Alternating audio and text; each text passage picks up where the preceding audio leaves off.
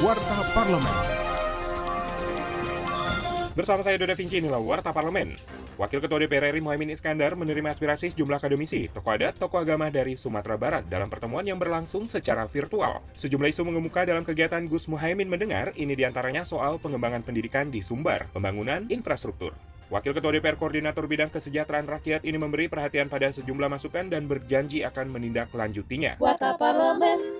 Ketua Komisi 4 DPR RI Studin mendesak Kementerian Lingkungan Hidup dan Kehutanan meningkatkan kerjasama dengan stakeholder terkait dalam mengawasi penyelundupan hewan yang dilindungi. Ia juga meminta sanksi hukum bagi penyelundup perlu diperberat dalam revisi Undang-Undang Konservasi Sumber Daya Alam Hayati dan Ekosistemnya. Saya sedih sekali mendengar tiga harimau dihukum, eh, dimati, dibunuh di Provinsi Aceh. Maka saya kepengen sekali, kepengen sekali. Masa sidang ini, revisi RUU KSDA bisa selesai. Hukum seberat-beratnya, Kemarin juga saya bicara dengan Kapolsek Bakahuni Pelabuhan, saya temukan dengan karantina pertanian, kalian kerjasama yang baik, saling membackup. Semalam pun ketangkep ada burung, ada monyet dan lain-lain di Pelabuhan Bakahuni. Itu pun apabila anggarannya ada, saya minta LHK bantulah untuk pengadaan X-ray di sana. Kalau dari Kementerian Pertanian ada X-ray yang kecil. Ya masing-masing kalau LHK punya, pertanian punya, kan itu jauh lebih baik. Tinggal petugasnya saja yang ditambah.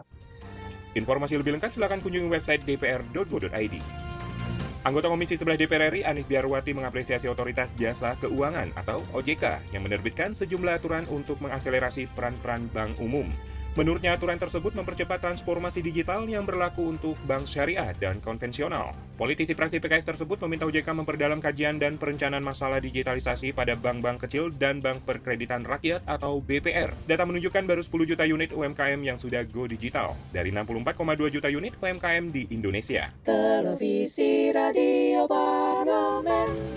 Demikian Warta Parlemen, Produksi TV dan Radio Parlemen, Biro Pemberitaan Parlemen, Sekjen DPR RI.